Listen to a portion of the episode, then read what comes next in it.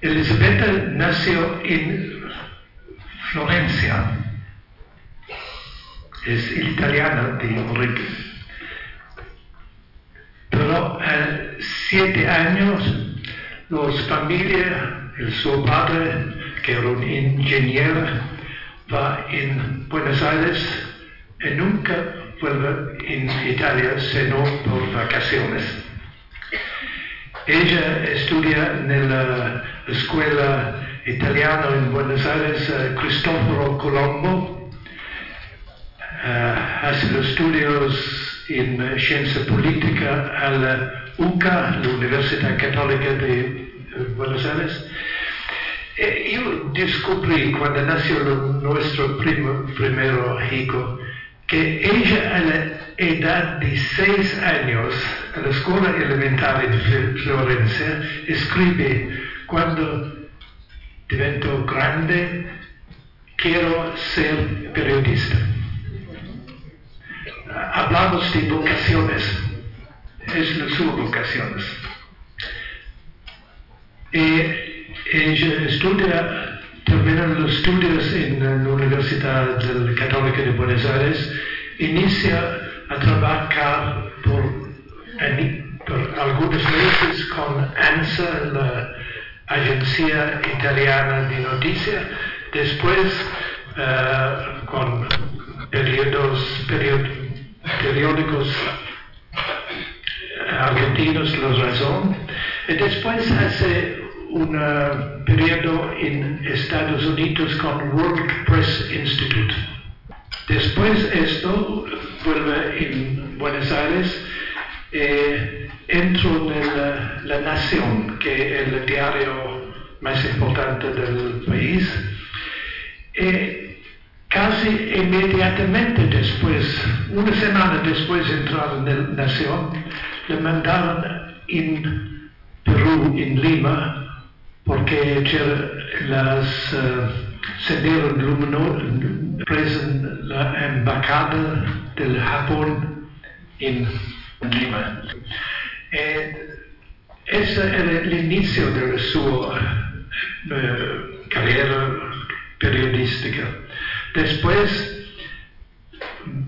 mandaron en Hong Kong por los handover de Hong Kong a la China 1997. Y después va en uh, calle de Sukarta en Indonesia. Después, en 1999, mandaron en Italia como corresponsal por Italia, pero en realidad por casi toda Europa Medio Oriente. En 2001, ella encontró padre Bergoglio, el uh, arzobispo de uh, Buenos Aires, cuando diventó uh, cardenal. Él, ella entrevistó él del 2001, lo mismo año que encontró mí, encontré él. Eh, eh, ella habla de esto en, en su discurso. E ella encontró él después volviendo del segundo intifada. Porque es necesario entender que ella es un corresponsal de, la guerra. De cuando estuvimos juntos,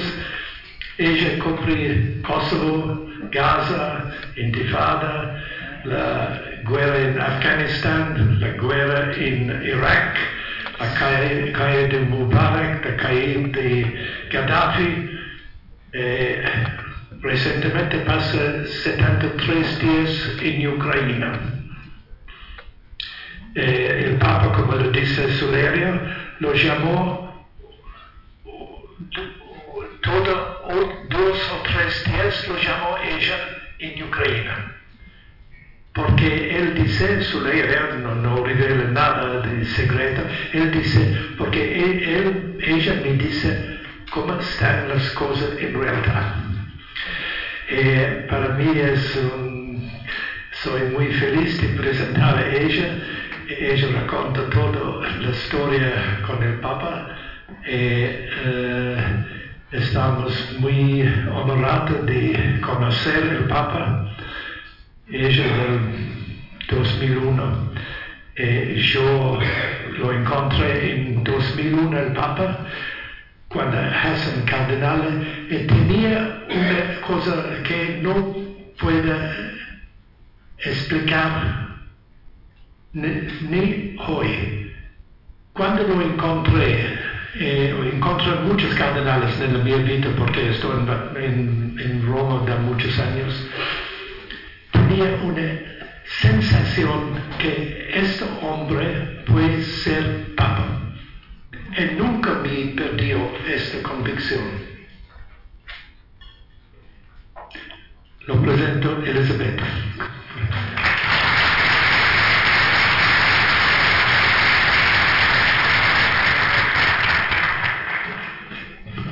Eh, muchas gracias. Iba a empezar diciendo que es muy difícil para mí eh, hablar de José después de la ponencia de, Martín, eh, pero también es difícil después de una presentación como la de Jerry, sinceramente,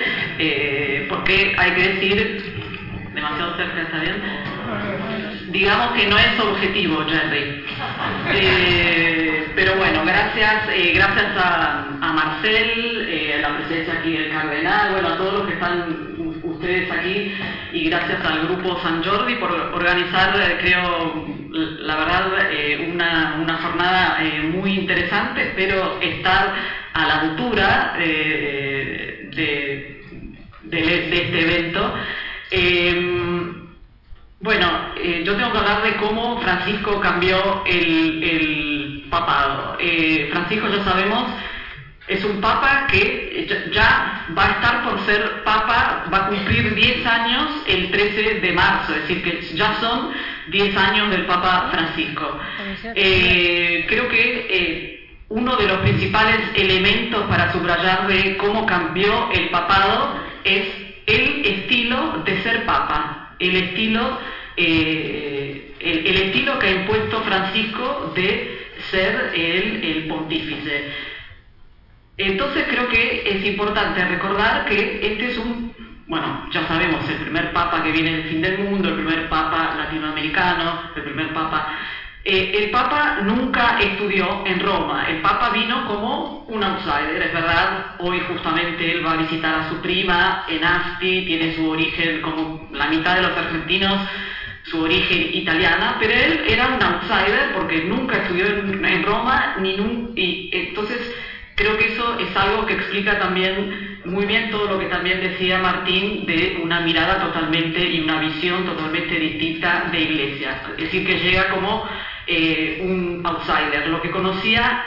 eh, del papado lo conocía a través de su experiencia de jesuita, como provincial de los jesuitas, como saben, él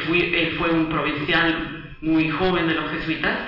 Eh, de ahí conocí al padre Arrupe y de, eh, básicamente también de las veces que él tenía que venir, viajar a Roma como miembro de algunas eh, congregaciones durante el pontificado de Juan Pablo II, como recordó Terry, es quien eh, lo nombra obispo y también luego en 2001 cardenal. También creo que es importante recordar, él sí nunca estudió en Roma, no tenía la cosa, la romanidad, pero sí eh, durante un momento de su vida, eh, que lo llaman su exilio en la ciudad de Córdoba, en la Argentina, cuando trataron de, digamos, eh, apartarlo, él se leyó, él leyó la historia de los papas, es decir, que había leído. para sintetizar, creo, es este para mí cambio radical de estilo de ser papa eh, creo que hay que recordar las primeras 24 horas del eh, eh, ni bien electo, cuando él casi causa escándalo, ¿no? primero de todo, y esto lo contaban, creo que quizás aquí el cardenal que estaba allí, cuando, bueno, finalmente lo eligen en la capilla Sixtina, el Papa va a la, la famosa stanza de lágrime,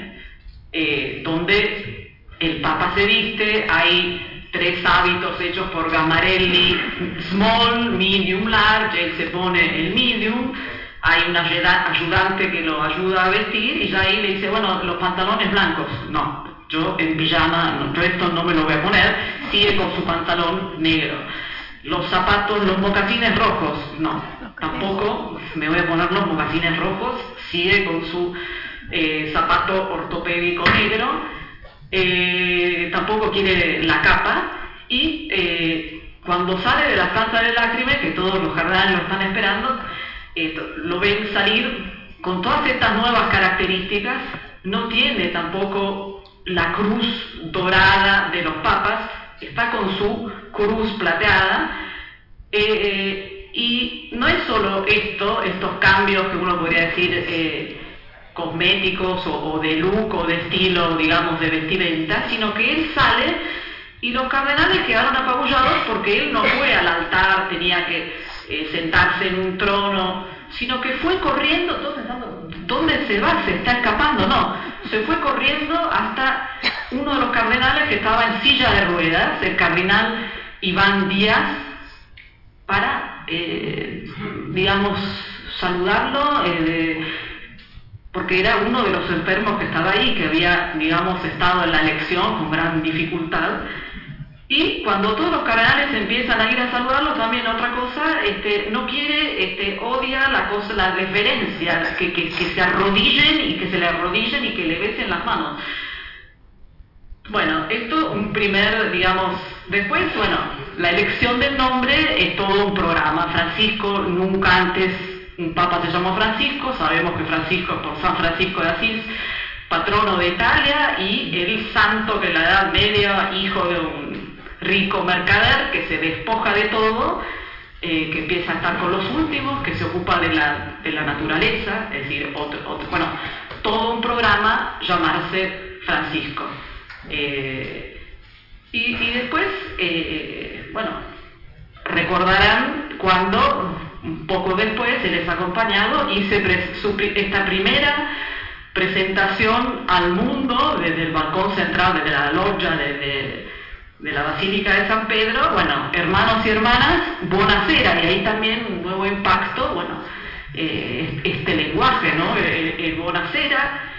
se llama a sí mismo obispo de Roma, un, mensaje a todas las otras iglesias cristianas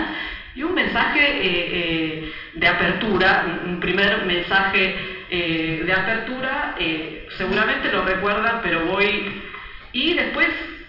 más importante aún que el Bonacera es eh, a la hora de la bendición Urbi et Orbi a la ciudad y al mundo, eh, el Papa sigue asombrando porque dice, y ahora quisiera dar la bendición, pero antes les pido un favor, antes que el obispo, el obispo bendiga al pueblo, les pido que ustedes recen para que el Señor me bendiga. La oración del pueblo pidiendo la bendición para su obispo. Hagamos en silencio esta oración de ustedes y por mí y recordarán que el Papa se inclina y este silencio impactante eh, y bueno, y, creo que esto es, esencial eh, como el, la importancia del pueblo de Dios que bendice a su obispo, ¿no? su, pontífice máximo. Es decir, eh, habla de un cambio de estilo absoluto desde el, eh, primer momento. Eh, recordarán, hace rezar a la gente un Padre Nuestro, la oración más simple que existe. en ese momento, el secretario de Juan 23, Loris Capovilla, cuando ve estas imágenes, bueno, todo el mundo estaba viendo estas imágenes eh, por televisión, eh, dijo, Papa Giovanni es ritornato. El, eh, Juan, Juan 23 ha vuelto cuando vio esto. Otro, otro uno dice gesto, otro acto que habla de un cambio de estilo absoluto. Termina esta primera presentación en el patio de San Damaso, hay una limusina negra con la chapa del Vaticano lista para llevar al nuevo pontífice de nuevo a la casa de Santa Marta, donde estaban reunidos todos los cardenales, y el Papa cuando ve la limusina dice, no. Y estaban también todos los, eh, los autobuses para los cardenales para volver a Santa Marta, y él se sube con sus hermanos cardenales en el autobús hacia Santa Marta. Nunca el Papa se subió nunca más a una limusina, eso lo, hemos visto eh, después, ¿no? Eh, a, la, mañana siguiente, justamente, también limusina lista, porque él había dicho mañana, primer día, quiero ir a, a la Basílica de Santa María Mayor, él es un devoto del ícono de la Virgen Salus Populi Romani que se encuentra ahí, quería ir a agradecer. De vuelta aparece la limusina y él dice, no, quiero un auto mínimo eh, y quiero escolta mínima. Eh, en el Vaticano van y le dicen, bueno, Santo Padre, eh, él, estaba viviendo, como siempre que iba a Roma, en, la casa del clero de la Vía de las Cloras, le dice, bueno, le vamos a buscar sus pertenencias. No, voy yo. Entonces él después de Santa María Mayores, también ahí sorprendiendo a todos, va a la casa del clero de Vía de las Cloras, él quiso pagar su cuenta de hotel, estaban todos eh, que no podían creerlo. Eh, y bueno, creo que en estas menos de 24 horas él marca un estilo que va a seguir siendo una constante, porque hay que también hablar de la coherencia de este hombre, del Papa Francisco durante estos casi van a ser 10 años, lo hemos visto en, los viajes, eh, eh, tuve el privilegio de hacer muchísimos viajes internacionales con el Papa. Bueno, el primero, eh, el primero internacional, recordarán este auto mínimo en el Río de Janeiro, después el, la Cinquecento Blanca, ahora se ha vuelto, bueno, cuando fue a Estados Unidos, en medio de las limusinas de todos los jefes de Estado que lo reciben, él siempre con su auto eh, pequeño, mínima escolta, está este, eh, este, este modo de ser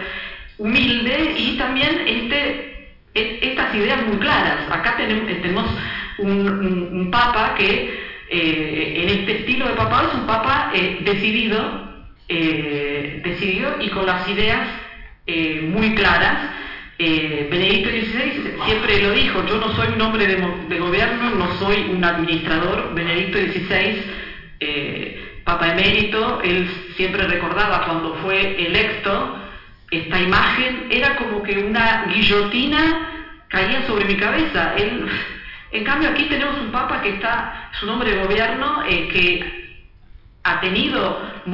ha debido eh, tener, eh, en su vida tuvo posiciones de liderazgo. Hablaba antes de cuando fue jesuita, nombrado provincial de los jesuitas a los 36 años, en un periodo muy difícil, 1973, periodo post-concilio Vaticano II, efervescencia en la Argentina estaba por comenzar una terrible dictadura, es decir, eh, eh, alguien eh, acostumbrado a estar en posiciones de liderazgo en momentos de mucha crisis y después también cuando es electo arzobispo de Buenos Aires, sin contar que la Argentina está siempre en crisis, pero le toca el arzobispado un, por el colapso de un banco, de repente el arzobispado de Buenos Aires con un agujero de 10 millones de dólares, es decir, y él, bueno, logra enfrentar estos momentos críticos.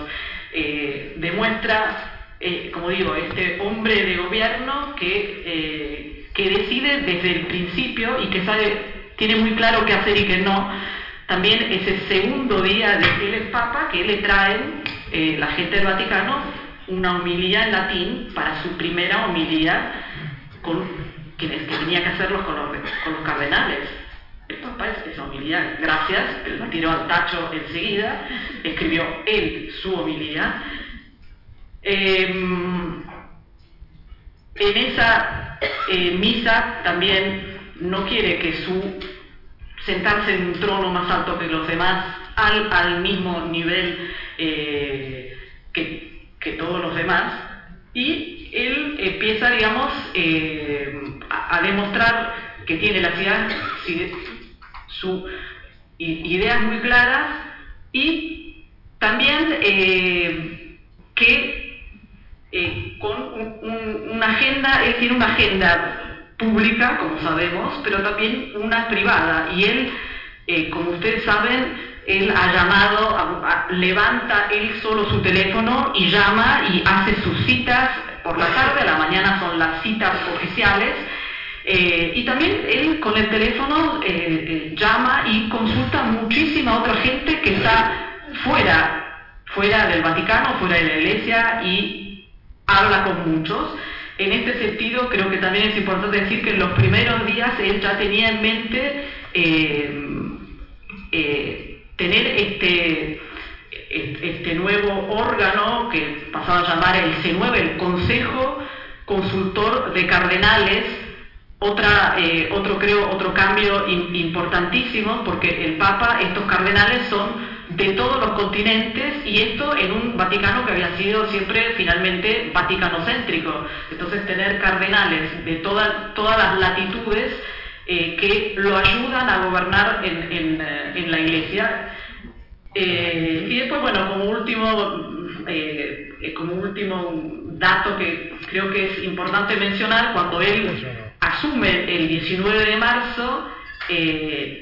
no en una misa de entronización, ya no hay un rey en Roma, es una misa de inicio de ministerio petrino, es decir, ah, ahí también eh, un cambio. Y, en ese sentido, en primera fila, sí, recordarán, llegaron todos los poderosos del mundo, pero junto a ellas había un cartonero argentino, Sergio Sánchez, todo un mensaje de quiénes son los que tienen que ser los primeros, eh, cinco tal, bueno, eh, bueno, ya lo dijimos el nombre San Francisco, acordate de los pobres que dice el su amigo carnal Hummel, fallecido. Bueno, eh, esto como primer, eh, como para empezar eh, a cómo cambió el papado, resumiendo, el estilo de ser papa. Un primer punto. Un segundo punto que creo que es importante y que creo que con esto me engancho un poco en la ponencia eh, con, toda humildad, porque no, no, estoy al mismo nivel teológico, por supuesto, que Martín, pero el estilo de comunicación de este Papa. Eh, en su ponencia, eh, Martín decía, cuando la Iglesia no sabe hablar el lenguaje del mundo, el Evangelio no es comprendido. Bueno, creo que este es un Papa que tiene una capacidad de comunicarse impresionante, porque tiene una forma de, comunicarse fácil, comprensible. Eh, lo entienden todos y voy a recordar una anécdota justamente de ese, esa misa, esa primera misa de Asunción de Pontificio, no, no era esa primera misa, era la misa de Pascuas, de ese primer año 2013, que entonces, claro, los argentinos estaban enloquecidos, unos amigos argentinos que viven en Suiza vinieron a Roma, y estaba el hijo muy pequeño de, estos amigos argentinos que fueron a la misa, y, que, y que después le dijo, pero hablaba, el Papa hablaba eh, en, argentino, y, el Papa no, hablaba en italiano, pero había hablado de forma tan simple el Papa que el chico de 8 años había entendido todo. Y ahora voy a volver a la parte a la que aludía al principio eh, Jerry, cuando, eh, que entonces mi experiencia de cuando lo conozco yo en ese momento al arzobispo de Buenos Aires, Jorge Bergoglio, eh, que era justamente febrero de 2001, cuando él viaja a Roma para ser creado cardenal por Juan Pablo II, me llaman desde el diario, me dice Elizabeth, está el arzobispo de Buenos Aires, que eh, nunca da entrevistas, pero va a ser una excepción. Eh, es un jesuita, yo no sabía absolutamente nada de, él. Ah, bueno, no, nunca da entrevistas. Bueno, yo ah, eh, voy, bueno, me pongo de acuerdo con él, voy a verlo a tal hora, Casa del Clero de Vía de las Crofas, mándeme las preguntas, le mando las preguntas. Y, cuando en esta primera cita que yo tengo con Jorge Bergoglio, ustedes se sorprenderán eh, de saber que yo me encuentro en uno de estos salones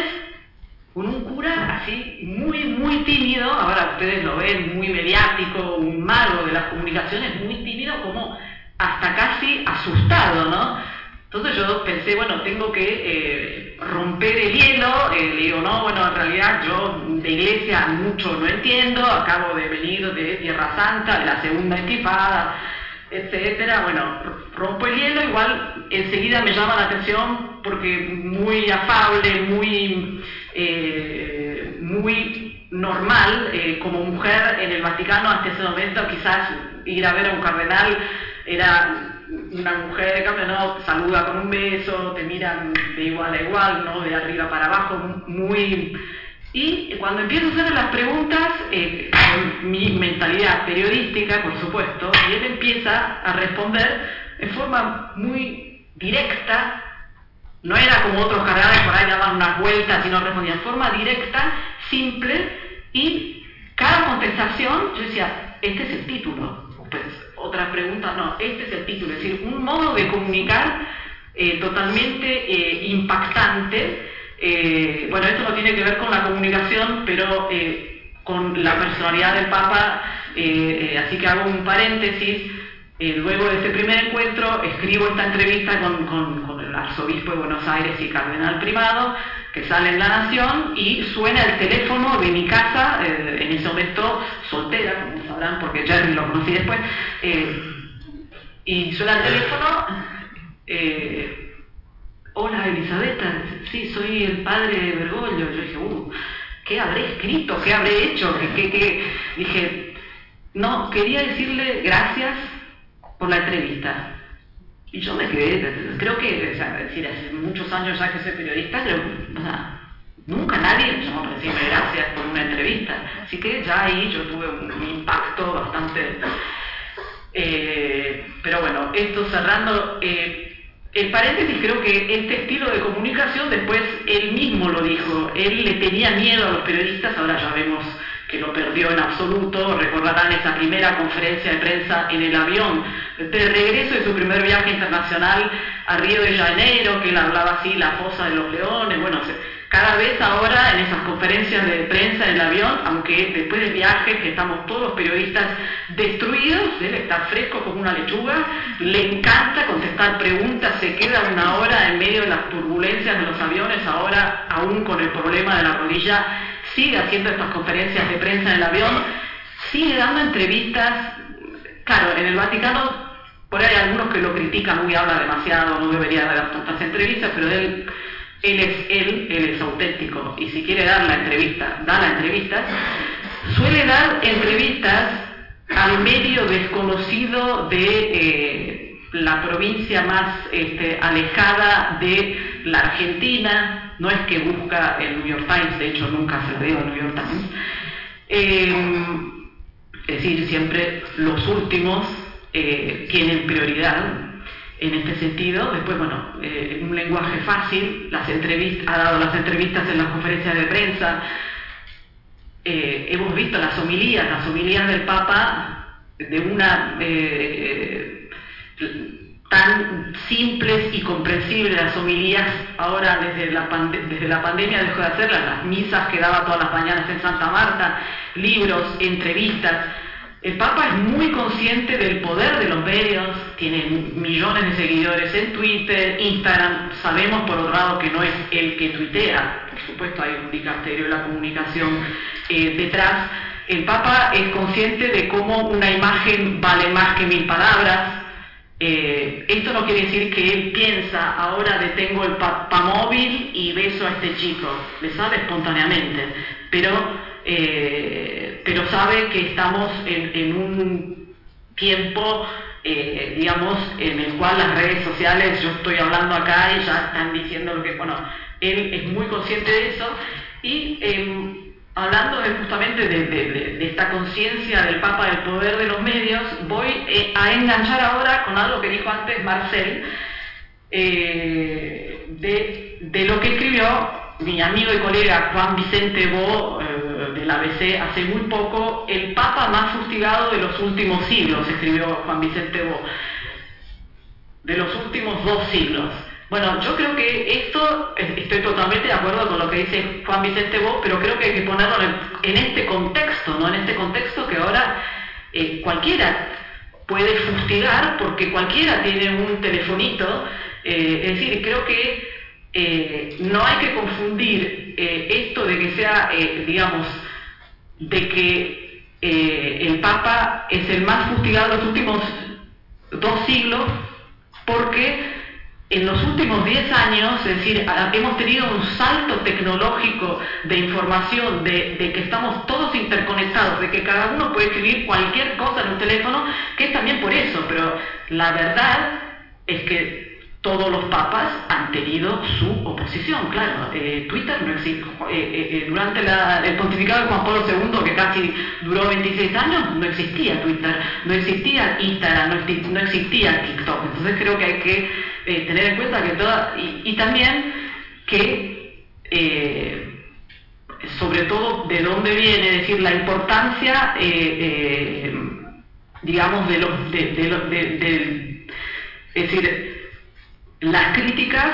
eh, se oyen más, son más ruidosas porque, digamos, vivimos en un mundo donde eh, Twitter y, todos los medios, mismo yo ahora en la guerra de Ucrania, la importancia de las redes sociales, la importancia de sacar una foto eh, que quizás la saca un chico de su casa destruida y enseguida está en todo el mundo, esto hace que también parezca que sea el Papa más fustigado, pero en realidad vivimos lamentablemente también en un, en un mundo eh, en el cual las noticias corren al minuto, es un vértigo y, entonces es parte del mundo que vivimos esto, creo.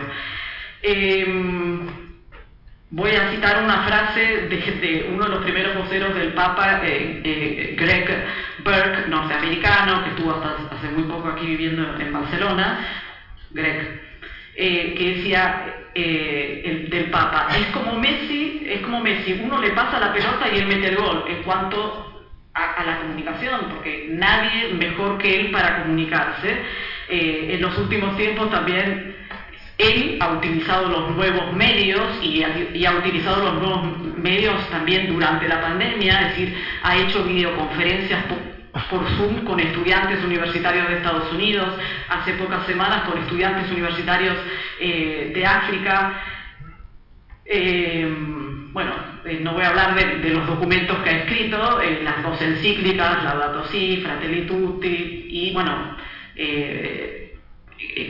recordar que Evangelii Gaudium, que, antes él citó,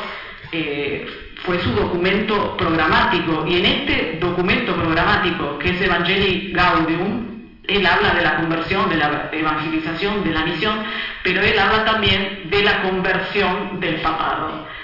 Eh, es decir, volvemos, creo que él es consciente de que también el mismo papado tiene que cambiar. Eh, bueno, paso ahora a otro aspecto que es la reforma, eh, la reforma de la curia,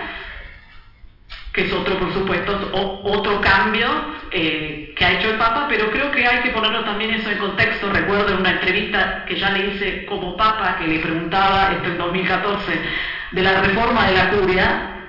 y él me dijo, más que la reforma de la curia, las estructuras, lo importante es la reforma de la mentalidad de los corazones. Así que eh, él es el primero en saber que una reforma de la curia que tardó muchísimo, es más, fue criticado porque eh, eh, al final, al, noveno año, es, decir, este año recién salió, fue parida ¿no? esta reforma de la curia, pero él es el primero en darse cuenta que no por reformar las estructuras se van a reformar los corazones y las, y las mentalidades y que la gran batalla es esa. Eh, después de dicho esto, tampoco se puede eh, minimizar esta reforma de la curia, que es importantísima. En 500 años hubo cuatro reformas de la curia. Pío X, Pablo VI, Juan Pablo II, Francisco. Eh, y en esta Reforma de la curia, creo que no voy a hablar de la... No, se preocupen, voy a solo decir tres cosas. Eh, eh, lo hablaba antes, la prioridad número uno es la evangelización. Entonces, eh, el dicasterio que antes era el dicasterio más importante, que era el Santo Oficio, el llamado de Santo Oficio, la Congregación para la Doctrina de la Fe, no es más el dicasterio más importante, el dicasterio más importante es el dicasterio de la evangelización que es presidido por el Papa. Este es un cambio radical. Em, y bueno, ahora en segundo lugar está la Congregación para de la Fe y en el tercero está el dicasterio para el servicio de la caridad. Eh, antes esto era la limosnería apostólica, recordarán, la, limosnería apostólica era una oficina insignificante, eh, conocida sola porque uno ahí es donde escribía para obtener las bendiciones, para regalarte cuando uno se casa, etcétera, para poner el cuadrito. Y sí, recibía donaciones, pero bueno, esta ahora es el, eh, tercer dicasterio más importante. Eh, bueno, eh, porque, bueno, lo dijo desde el principio, que era una iglesia pobre para los pobres, ha instituido la Jornada Mundial de los Pobres, el domingo pasado en Roma hemos tenido esta sexta jornada, almorzó con los pobres, bueno, el primer viaje del Papa no internacional, vamos a recordar, fue a la isla de Lampedusa, los pobres, los migrantes, los descartados son eh, la prioridad eh, de este Papa y ayer hablábamos en, la mesa eh, también las personas y lo veíamos al principio aquí en la, en la oración con Javier la atención a, las cárceles. En todos los viajes internacionales del Papa hemos ido siempre a una cárcel. Él siempre quiso ir a una cárcel. Y creo que, eh, bueno, y estas son todas cosas que él hacía como arzobispo de Buenos Aires, ¿no? Eh, el, decir todos, y, todos tienen, eh, yo podría haber estado en su lugar, él siempre dice cuando va a una cárcel, yo podría haber estado Bueno, volviendo a hablar de la reforma de la curia, también muy importante, la curia tendía a ser eh, bueno, la, la administración central de la Iglesia, un eh, organismo controlador de los obispos, eh, que cuando venían los obispos de, todo el mundo a las llamadas visitas ad limina cada cinco años, era como que llegaban como si fueran alumnos a tener que tomar examen en los distintos dicasterios del Vaticano. Esto no solo está escrito en este documento que la curia sí está al servicio del Papa, pero también está al servicio eh, de los obispos, pero ya desde, desde que está el Papa Francisco han cambiado, y lo dicen los obispos que participan de las visitas ad limina, donde los obispos no es que reciben, digamos, eh, indicaciones como si fueran alumnos, sino que son escuchados. La escucha, un cambio enorme, sin contar eh, el tema de la presencia eh, de los laicos. Hasta ahora el poder de gobierno era relacionado con el poder eh, de la orden, solo alguien ordenado podía tener un cargo dirigencial y esto ha cambiado. Ahora un laico puede estar al frente de, una oficina y en este sentido ya lo estamos viendo hace varios años. Eh, hay un prefecto eh, que es un laico, que es eh, Ruffini del Dicasterio para las Comunicaciones. Mujeres, pero eso voy a hablar más tarde, mujeres, hay muchas más mujeres en el Vaticano en puestos importantes y no solo como mucamas o, o sirvientas, otra parte muy importante y que también él siempre lo ha dicho, la reforma de la curia, pero también eh, la reforma de todo lo que son las finanzas del Vaticano, son pedidos que, eh, eh, es decir, son mandatos que él recibió en las famosas reuniones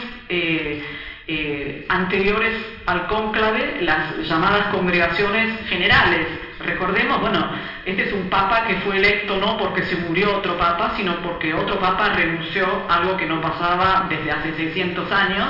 y el papa Benedicto renunció también porque había eh, muchos problemas internos, recordarán el escándalo Batilix, el mayordomo que lo había traicionado, es decir, un Vaticano tipo especie de Don Brown, eh, de, lleno de intrigas, ojo, sigue siendo así eso, pero... Eh, em, pero em, el tema de la limpieza de las finanzas, un Vaticano con escándalos de corrupción, derroche de dinero, es decir, un pedido también de hacer limpieza en el tema de las finanzas vaticanas. En este sentido ha habido también un cambio enorme, existe ahora una Secretaría para la Economía eh, que está a cargo de un eh, jesuita español, Juan Antonio Guerrero, que ha impuesto controles, eh, hay muchísimas nuevas leyes que hacen que todas las oficinas del Vaticano, donde antes todos hacían cualquier cosa con el dinero, no había presupuestos, tienen que tener un presupuesto. hay un auditor general, hay un comité de inversiones, eh, y en este momento se está dando ya desde hace más de un año un juicio en el Vaticano eh,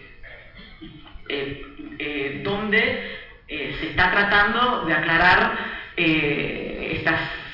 digamos, inversiones turbias que había hecho la Secretaría de Estado del Vaticano, otro cambio dramático, importantísimo, la Secretaría de Estado ya no maneja dinero, eh, esto creo que es un cambio eh, importante. Hay un cardenal que en realidad eh, ya no es cardenal, es decir, sigue con su título, pero no con sus derechos cardenalicios, que está en el banquillo. Esto nunca antes, antes había pasado en este juicio por corrupción, por esta compra de un inmueble en Londres, una inversión millonaria. es decir, hay una voluntad de transparencia y de responsabilidad que se ha logrado eh, muchísimo en cuanto a... Se cerraron muchísimas cuentas en el Banco Vaticano y entonces eh, todo lo que era antes, podemos decir que era una jungla, los temas vaticanos, ahora hay transparencia y responsabilidad, o por lo menos se intenta tener eso. Y hablando de transparencia y responsabilidad, creo que otro tema importantísimo eh, de cómo ha cambiado este papado es el tema de que este papado, antes eh, Martín hablaba de que, por ejemplo, en el sino de la familia, temas que antes eran tabú finalmente se hablaron, como eh, la comunión, a los divorciados puestos a casar, las relaciones bueno, puso sobre el tapete el tema de los abusos sexuales por parte de sacerdotes de menores, que es un fenómeno que hirió como nunca la credibilidad de la Iglesia Católica, eh, que bueno, que estalló durante el final del pontificado de Juan Pablo II en Estados Unidos, pero después fue estallando en casi todos los países eh, del mundo. En marzo del 2014 justamente por este tema, él creó una comisión pontificia para la protección de menores. Eh, acá, eh, eh, al frente de esta comisión está el cardenal capuchino John O'Malley, arzobispo de Boston. Boston es la ciudad, digamos, todos recordarán la película donde, bien o mal, empieza a destaparse este escándalo. Y en febrero de 2019, él eh, el Papa convocó a esta famosa cumbre llamando a los presidentes de todas las conferencias episcopales a Roma para hablar de un tema tabú, que era este, y no solo pone sobre la mesa este tema, eh, sino que llama a, varias víctimas a contar y hablar y, que contaron lo, que pasaron, es decir, pone al centro las víctimas y, aquí en esta sala está um, Sor Lucía, que conoce muy bien a una de las víctimas, que es Juan Carlos Cruz. Juan Carlos Cruz es víctima del sacerdote chileno eh, Caradima. Eh, recordarán, el Papa admitió que se equivocó en un momento con otro obispo chileno, eh, que era, bueno, no voy a entrar en ese tema. esa admisión de error creo que es muy importante, pero bueno, Juan Carlos Cruz se ha vuelto una especie de hijo del Papa Francisco. Eh, se ve, lo llama por teléfono todo el tiempo, se ven eh, regularmente. Eh, así que bueno, esto también creo que vuelvo a hablar de una característica concreta que no es un pontificado que sí de hablar, es de gestos concretos. O sea, y creo que este es un cambio enorme, por supuesto todos los días, todos los días seguimos leyendo el diario, hay un escándalo, por supuesto nos estoy diciendo que el Papa solucionó, sino que está dando, o por lo menos intentando y dando herramientas. Eh, todas las conferencias episcopales han tenido que hacer eh, una suerte de guías de cómo tratar este problema. Es decir, eh, no estoy diciendo que, que, que, se ha resuelto para nada, porque esto falta mucho, pero bueno, era una asignatura más que pendiente que eh, comenzó a tratar. Eh, otro cambio enorme, y de esto ya hablo muy bien, eh, mucho mejor, es el tema de los sínodos.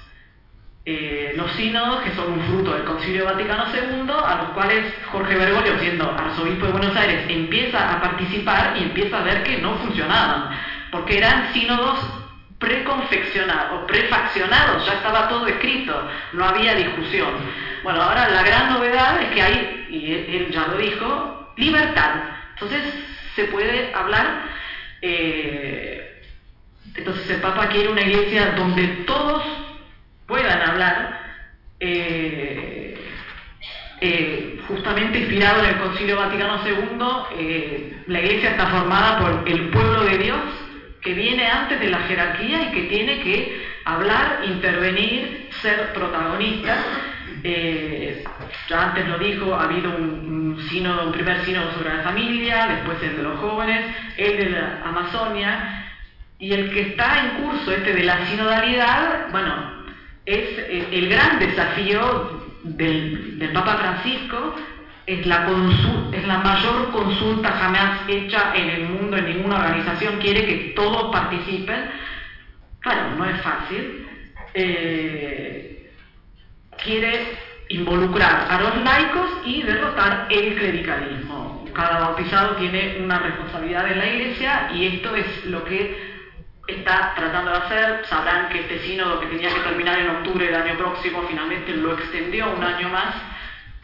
eh, pero bueno, es otro cambio enorme,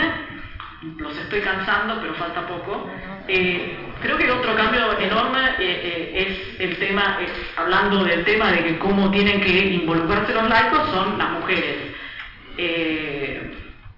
hoy en el Vaticano hay mujeres en la congregación de la doctrina de la fe, o sea, es algo que si uno lo hubiera dicho hace 15 años era inaudito, hay mujeres en la congregación de obispos. Hay mujeres en la Secretaría de Estado. La segunda, del, que es el canciller del Papa, es una mujer que está a cargo de los organismos internacionales. La número dos del gobernatorato es una mujer.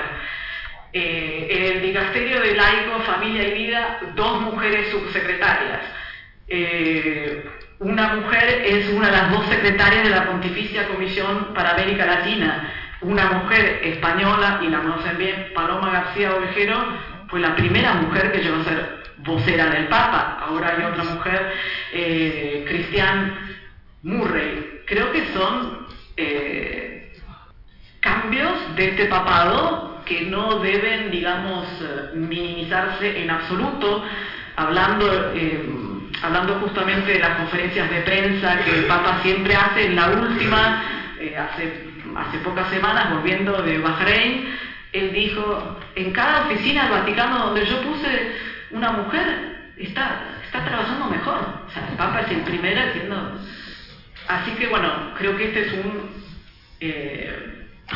un punto para, para destacar un, cambio enorme de este papado. Después, claro, eh, hay mucha tela para cortar en el tema de las mujeres, porque claro, si, si, si, hablamos de las mujeres y, el tema de las mujeres que quieren ser sacerdotes, él muy firmemente dijo, no, sigo la línea de Juan Pablo II, pero ese es otro tema. Eh, bueno, estoy terminando. Ecumenismo, es decir, la relación con las otras iglesias cristianas,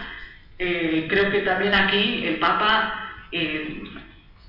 eh, el cambio es dramático, es el primer papa que logra eh, reunirse con el patriarca de Moscú, que logró hacerlo, recordarán, en, en, el aeropuerto de La Habana en viaje hacia México, el primer cara a cara en 500 años con el patriarca de la Iglesia Ortodoxa de Moscú. Es amigo del patriarca Bartolomé de Constantinopla, que es más suele se volvieron amigos. El patriarca de Constantinopla,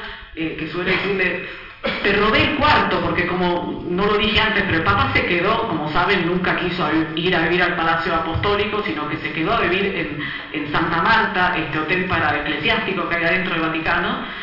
Eh, celebró los 500 años de la reforma protestante en un viaje a Lund, quien lo hubiera dicho antes. Es amigo también del patriarca, del patriarca es amigo del arzobispo de Canterbury, es decir, el, el, eh, Justin Welby va a hacer un viaje junto a él a Sudán del Sur, si todo va bien, el año próximo. Eh, suele decir, eh,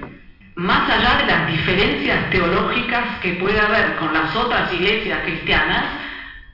eh, como decía antes, la realidad es más importante que la idea Trabajemos juntos en lo que podemos trabajar juntos, en ayudar a los pobres, en ayudar a los migrantes, en luchar contra lo que es eh, el cambio climático. Y esto, todo esto de trabajar juntos en lo que podemos trabajar juntos, también lo ha hecho en forma, también diría, avance increíble, porque como decía, yo cubrí también los otros eh, eh, pontificados y no me voy a olvidar, recordarán, 12 de septiembre del 2006, el famoso discurso de Ratisbona del Papa Benedicto XVI, que provocó realmente una, reacción furiosa del mundo musulmán, recordarán, quemaban iglesias, eh, protestas, porque en este discurso había relacionado a Mahoma con la violencia, bueno, se habían congelado las relaciones del Vaticano, aunque Benedicto también él con su humildad y grandeza había después pedido disculpas, etcétera, la relación entre eh, la Iglesia Católica y el mundo musulmán se encontraba, eh,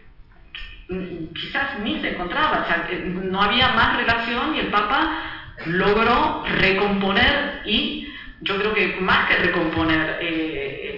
digamos, esta relación con el mundo musulmán en forma increíble, él se ha encontrado ya nueve meses con el imán al-Tayer de la Universidad de Al-Azhar, que podemos decir es el papa de los sunitas. Los sunitas representan el 85% de los musulmanes que hay en el mundo. Él se hizo amigo de este imán al-Tayer. Él hizo 12 viajes en países islámicos, el último a Bahrein. Eh, y la Fratelli Tutti, la última encíclica del Papa, él menciona Imagínense, una encíclica, de un, una encíclica de un papa que menciona a un musulmán, porque él se inspiró para esa encíclica, la Fratelli Tutti, con el documento sobre la hermandad y la paz que firmó y que elaboró junto a el, eh, imán de Al-Azhar al taller. Es decir, es algo también un cambio eh, impresionante eh, de este Papa que es, no sé si vieron las imágenes, claro, avanzando el pontificado, el Papa también mediáticamente pierde, no es más novedad, pero como fue recibido la semana pasada